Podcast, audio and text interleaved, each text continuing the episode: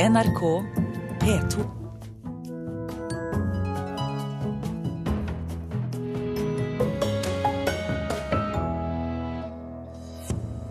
Salg av spin-off-produkter i barnefilmer kan ødelegge historien i filmen, sier filmprodusent. Sensuren i Kina blir ikke mykere, men mer sofistikert. I dag er det 24 år siden eh, massakren på Den himmelske feds plass. Og Stavanger symfoniorkester samler inn folktoner fra innvandrere for å feire grunnlovsjubileet. Du hører på Kulturnytt med Birger Kålsrud Aasund i studio. Film, filmskapere må ofte selge ekstra produkter som leker, klær, TV-serier og dataspill for å kunne lage barnefilmer. Det kan føre til krav om produkter som i verste fall kan ødelegge historien i filmene, mener produsenten av Pelle politibil. Folk ønsker kanskje at vi skal gjøre noe ut av prosjektet som vi mener at enten ødelegger historien eller forringer kvaliteten på det vi ønsker å fortelle. Og da kommer man litt i konflikt med det der med hva er det man da skal velge. ikke sant? Skal man velge å lage noe som passer en linje av produkter som skal selges, eller skal man være tro mot det som gjorde at man valgte prosjektet i utgangspunktet? Produsent på de nye Pelle politibilfilmene, Live Bondevie, forteller at produksjonsselskapet Neofilm ikke inngår så mange avtaler om såkalte spin-off-produkter. Kusken! Pelle! Hva kommer han politimesteren til å si? Spin-off-produkter lanseres med filmer og kan være alt fra leketøy, klær, bøker og spill. Bonnevie forteller at de ofte blir møtt med krav at de må ha flere filmer eller en TV-serie klar hvis de skal få inngå slike avtaler. Grunnen er at de som lager produktene skal tjene mest mulig penger fordi universet er der lenger. Det forstår Bonnevie, siden de som lager leketøy og andre ting også må fortjene penger. Men hun vil ikke lage en ekstra film før historien er bra nok. En som ikke er like kritisk, er produsent for Knerten-filmene, Jan Petter Dickman.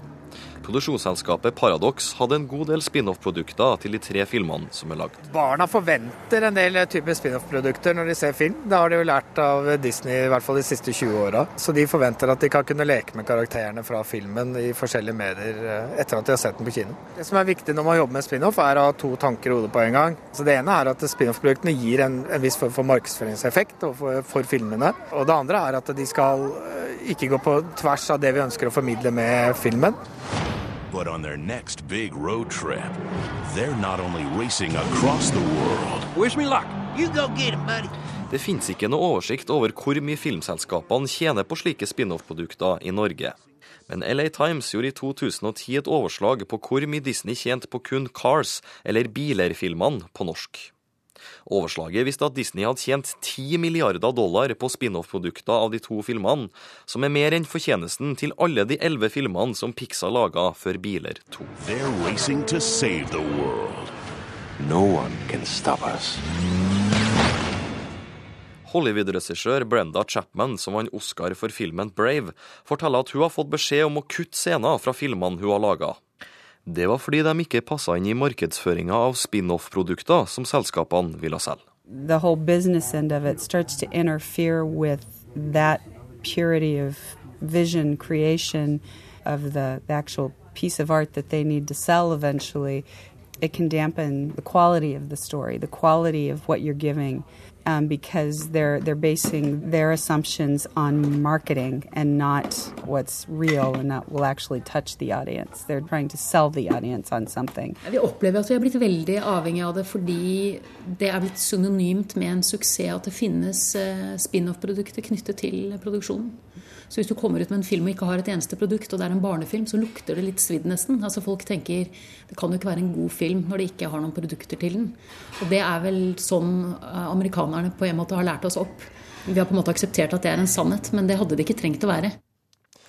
Og vi i Kulturnytt har selvsagt også eh, prøvd å få kontakt med Disney for å høre om deres eh, spin-off-produkter, men i går så fikk vi ikke noe svar.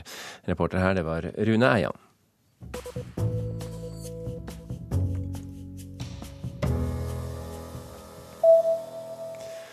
Bergesens allmennyttige stiftelse støtter Munch-museet med 12 millioner kroner over tre år. Pengene skal brukes på to prosjekter. Det ene er et forskningsprosjekt. I tillegg skal det utgis en verkskatalog med Munchs mange tegninger. Det skriver Aftenposten i dag. Strømming av musikk fra nettet fortsetter å vokse, mens nedlastingstjenester som Apples iTunes faller kraftig i popularitet. Det skriver Dagens Næringsliv. En spørreundersøkelse som norske Wimp står bak, viser at hele 78% av folket vil hente sin musikk fra strømmetjenester som f.eks. Wimp og Spotify neste år. Og Stavanger-regissør eh, Arild Østin Ommundsen får organisasjonen Film og kinos ærespris, Åmot-statuetten. Prisen deles ut for fremragende innsats i og for norsk filmproduksjon, og juryen peker på at Ommundsen, som debuterte med Mongoland i 2001, er en kreativ ildsjel, en mentor og en sterk representant for filmmiljøet utenfor Oslo.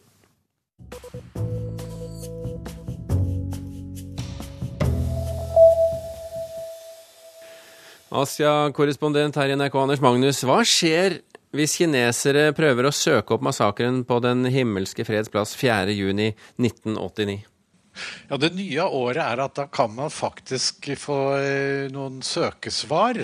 Riktignok ikke noe som forteller om eh, hva som skjedde under uh, skytedramaet da den kinesiske hær slo ned på demokratiet demonstrantene. Men eh, man får opp andre websider som er eh, snille og egentlig ikke forteller noen ting.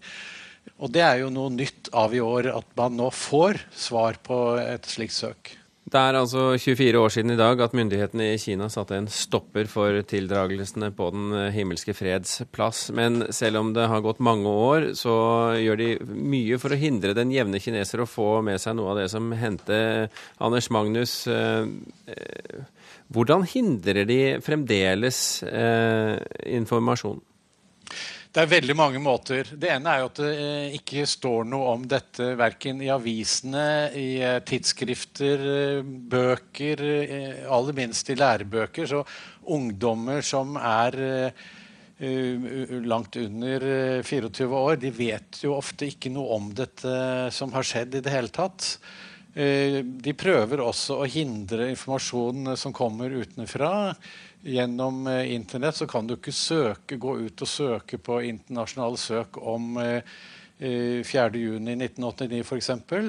Men nå i år så har de altså begynt med denne nye metoden. og Det er vel først og fremst fordi at det skal se litt vakrere ut, og også at noen nysgjerrige som som kanskje ikke vet så mye om dette, skal få en forståelse for at ja, men det går an å søke på det, men uh, de finner ingenting. Men hva vitner denne endringen seg Denne endringen, hva vitner det om?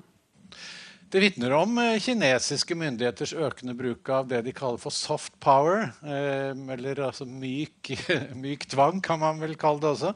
Det at man Eh, i stedet for å stanse informasjon, eh, søker å villede eh, på en litt mykere måte, slik at det ikke ser ut som at her er det ikke lov til å søke, her er det forbud, her vil man ikke vite noe av historien. Men det kommer opp helt andre ting. Slik de også skriver om historien på mange måter, det som står i lærebøkene til ungdommen.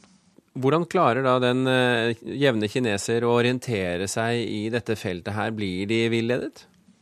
Ja, de fleste blir uh, villedet, og de fleste vet absolutt ingenting. Og en medvirkende årsak til det er at de som kan fortelle dem uh, noe om dette her, uh, nå foran 4.6, så blir de som regel flyttet unna. De blir hentet av politiet, brakt til midlertidig husarrest eller såkalte hotellopphold på steder hvor politiet plasserer dem, til 4.6 eh, er eh, vel forbi.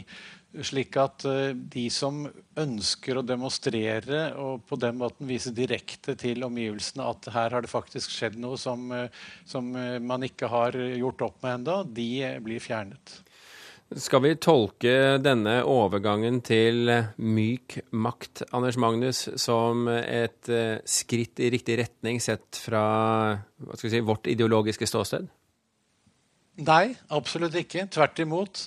Eh, dette vitner bare om at uh, kinesiske myndigheter har blitt mye flinkere og mer avanserte i sin sensur. Men de eh, tegn som jeg har registrert etter at den nye partileder Xi Jinping har kommet til makten, er at både sensuren og eh, forhold til pressen har blitt skjerpet. Det er heller ikke blitt noe som helst lettere, tvert imot, for utenlandske korrespondenter å utøve normal journalistikk i Kina.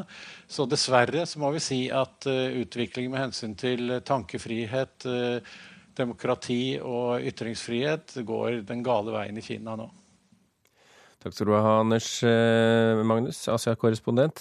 Og så kan vi jo ta med at eh, kinesiske aktivister via sosiale medier nå oppfordrer kinesere til å kle seg i sort T-skjorte for å markere den blodige dagen på Den himmelske freds plass for 24 år siden. Det skriver Aftenposten i dag. Klokken er eh, drøyt kvart over åtte. Du hører på Kulturnytt, og dette er toppsakene i NRK Nyheter akkurat nå. Politiet bruker mindre tid ute i gatene og mer tid på kontorarbeid, stikk i strid med rådet fra 22.07-kommisjonen. Og en av de antatte gjerningsmennene i trippeldrapssaken i Pakistan er i Norge, tror pakistansk politi. Norske filmfestivaler kan bli tvunget til å redusere tilbudet, eller i verste fall bli nedlagt. I dag blir det nemlig bestemt at den offentlige støtten til filmfestivalene her i landet vil bli nesten halvert. Animasjonsfilmfestivalen i Fredrikstad er blant dem som frykter kuttene. Vi har uh, små marginer som vi, som vi lager festival på. Uh, og store kutt fra offentlige støttemidler eller tilskuddsordninger er eh, dramatisk for eh, vår festival. Anders Narverud Moen leder en filmfestival som er blant de ledende på sitt felt i Norden. Fredrikstad animasjonsfilmfestival. Den er et viktig samlingspunkt og kilde til inspirasjon fra bransjen. Programmet til publikum blir også barbert med kutt i støtten. Det kan bli mindre interessant også for folk å komme på vår festival, og det er noe jeg ikke ønsker, rett og slett. Det er kinoeiernes organisasjon Film og Kino som på sitt landsmøte i dag vedtar å kutte i festivalstøtten. Fra totalt 13,7 millioner kroner i fjor til 7,2 millioner kroner neste år. Pengene kommer fra en avgift på salg av film over disk, som Film og Kino forvalter på vegne av staten. Et DVD-salg i fritt fall betyr dermed mindre støtte.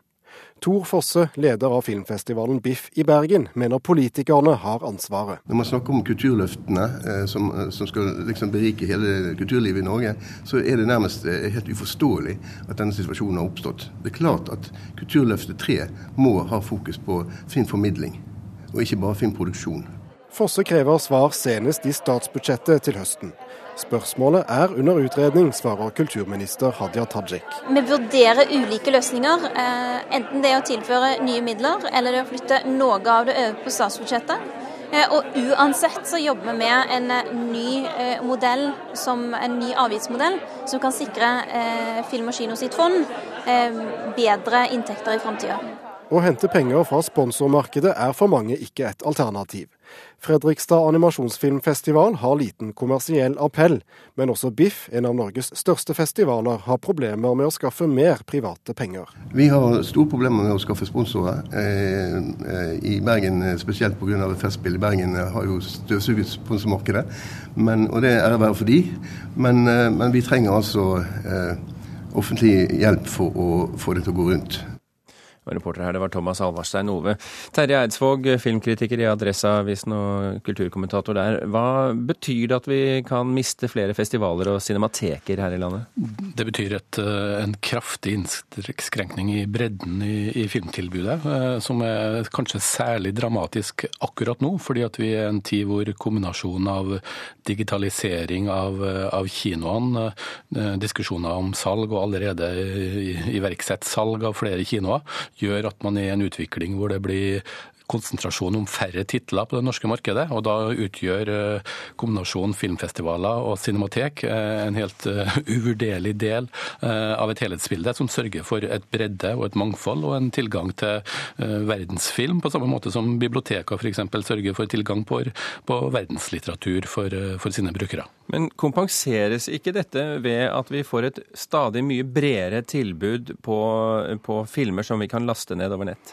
Ja, gjør vi egentlig egentlig det. Eh, hvis man ser på katalogen til f.eks. Netflix, så er det jo mye der eh, amerikanske filmer som er mer enn tre-fire år gamle. Arne Skauens kanskje aller beste film, 'Kalde spor', er fortsatt ikke tilgjengelig på, DVD i Norge. Kunne man sett for seg det samme innenfor, innenfor klassisk musikk eller litteratur? Denne, at denne bredden i tilbudet skal på en måte outsources til kommersielle og, og uh, ikke-norske uh, krefter, uh, er en, en illusjon som folk vil oppdage når, når, man ser hva som faktisk ligger i tilbudet. Det må ligge en kulturpolitisk ønske og mål om at det beste også av, av norsk film og av verdensfilm skal gjøres tilgjengelig for, for, et, for et kinointeressert og filminteressert norsk publikum. Men, men samtidig, Eidsvåg, så støtten til filmproduksjon her i landet har jo økt kraftig de siste årene. Viser ikke dette at filmkulturen på alle mulige måter blir tatt på alvor? Eh, det viser vel kanskje aller best eh, eh, det spennet innenfor film som ligger mellom produksjon, filmkultur, industri, butikk, kunst og kultur. Og at det er et, spennvinde i filmbransjen som gjør at det er viktig å ikke glemme de delene som handler om formidling og, og, og filmkultur. Filmstøtten har ganske riktig når det gjelder produksjon av filmer, økt kraftig de, de siste årene. Eh, men når det gjelder å formidle eh, og ta vare på eh, og utvikle en filmkultur, så er faktisk cinematekene og, og filmfestivalene helt viktige. Den siste vinneren i Cannes, gullpalmevinneren Abdelatif Kediches film 'Blue is the warmest color', var for mange en film som traff fra det store intet. Men det, for filminteresserte nordmenn så har man kunnet se de to foregående filmene hans, 'Black Venus' og 'The Secret of the Grain', på en rekke norske filmfestivaler. Terje Eidsvåg, eh, kulturkommentator i Adresseavisen, tusen hjertelig takk for at du var med i Kulturnytt. Feiringen av Grunnlovens 200-årsjubileum neste år vil i stor grad prege kulturtilbudet landet rundt. Stavanger symfoniorkester er nå i gang med sin markering, som går ut på å samle inn folketoner fra innvandrere. Det hele skal munne ut i et nytt orkesterverk fra Gisle Kverndokk.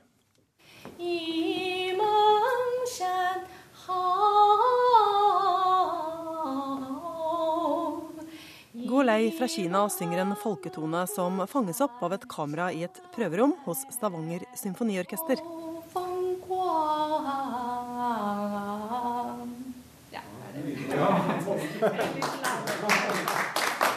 Jeg kommer fra midt Kina. Til daglig jobber hun som lærer i kinesisk på Den internasjonale skolen i Stavanger. Nå bidrar hun til Symfoniorkesterets feiring av Grunnlovens 200-årsjubileum neste år. Det er spennende. Det er en uh, god idé. Vi er jo utfordra av myndighetene rett og slett til å gjøre, eh, eller finne måter å trekke inn minoritetsgrupper inn i vårt arbeid. Sier fiolinist i symfoniorkesteret Bjarte Mo. Vi har lyst til å oppsøke de som er flytta til byen vår, se hva musikk de bringer med seg. De har jo sin historie, sin fortelling og ikke minst musikk. Bruke det i et verk, trekke det inn i vår tradisjon. Dette skal også være en, eh, vår hovedmarkering i forbindelse med grunnlovsjubileet sier leder i Stavanger symfoniorkesters programråd Hjalmar Kvam. Og grunnlovsjubileet vil prege alle orkestrene neste år. Oslo-filharmonien har bestilt et nytt verk av Henrik Helstenius med arbeidstittelen 'Loven'. Nordnorsk symfoniorkester skal framføre ti snutter fra norske komponister, alle på 2 minutter og 14 sekunder, selvsagt.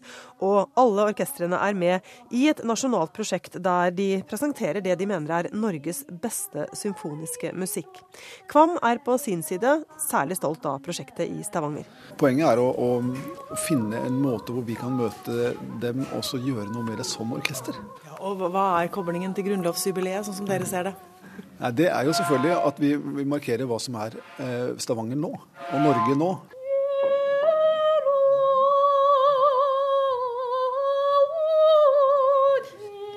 Musikal et um, språk.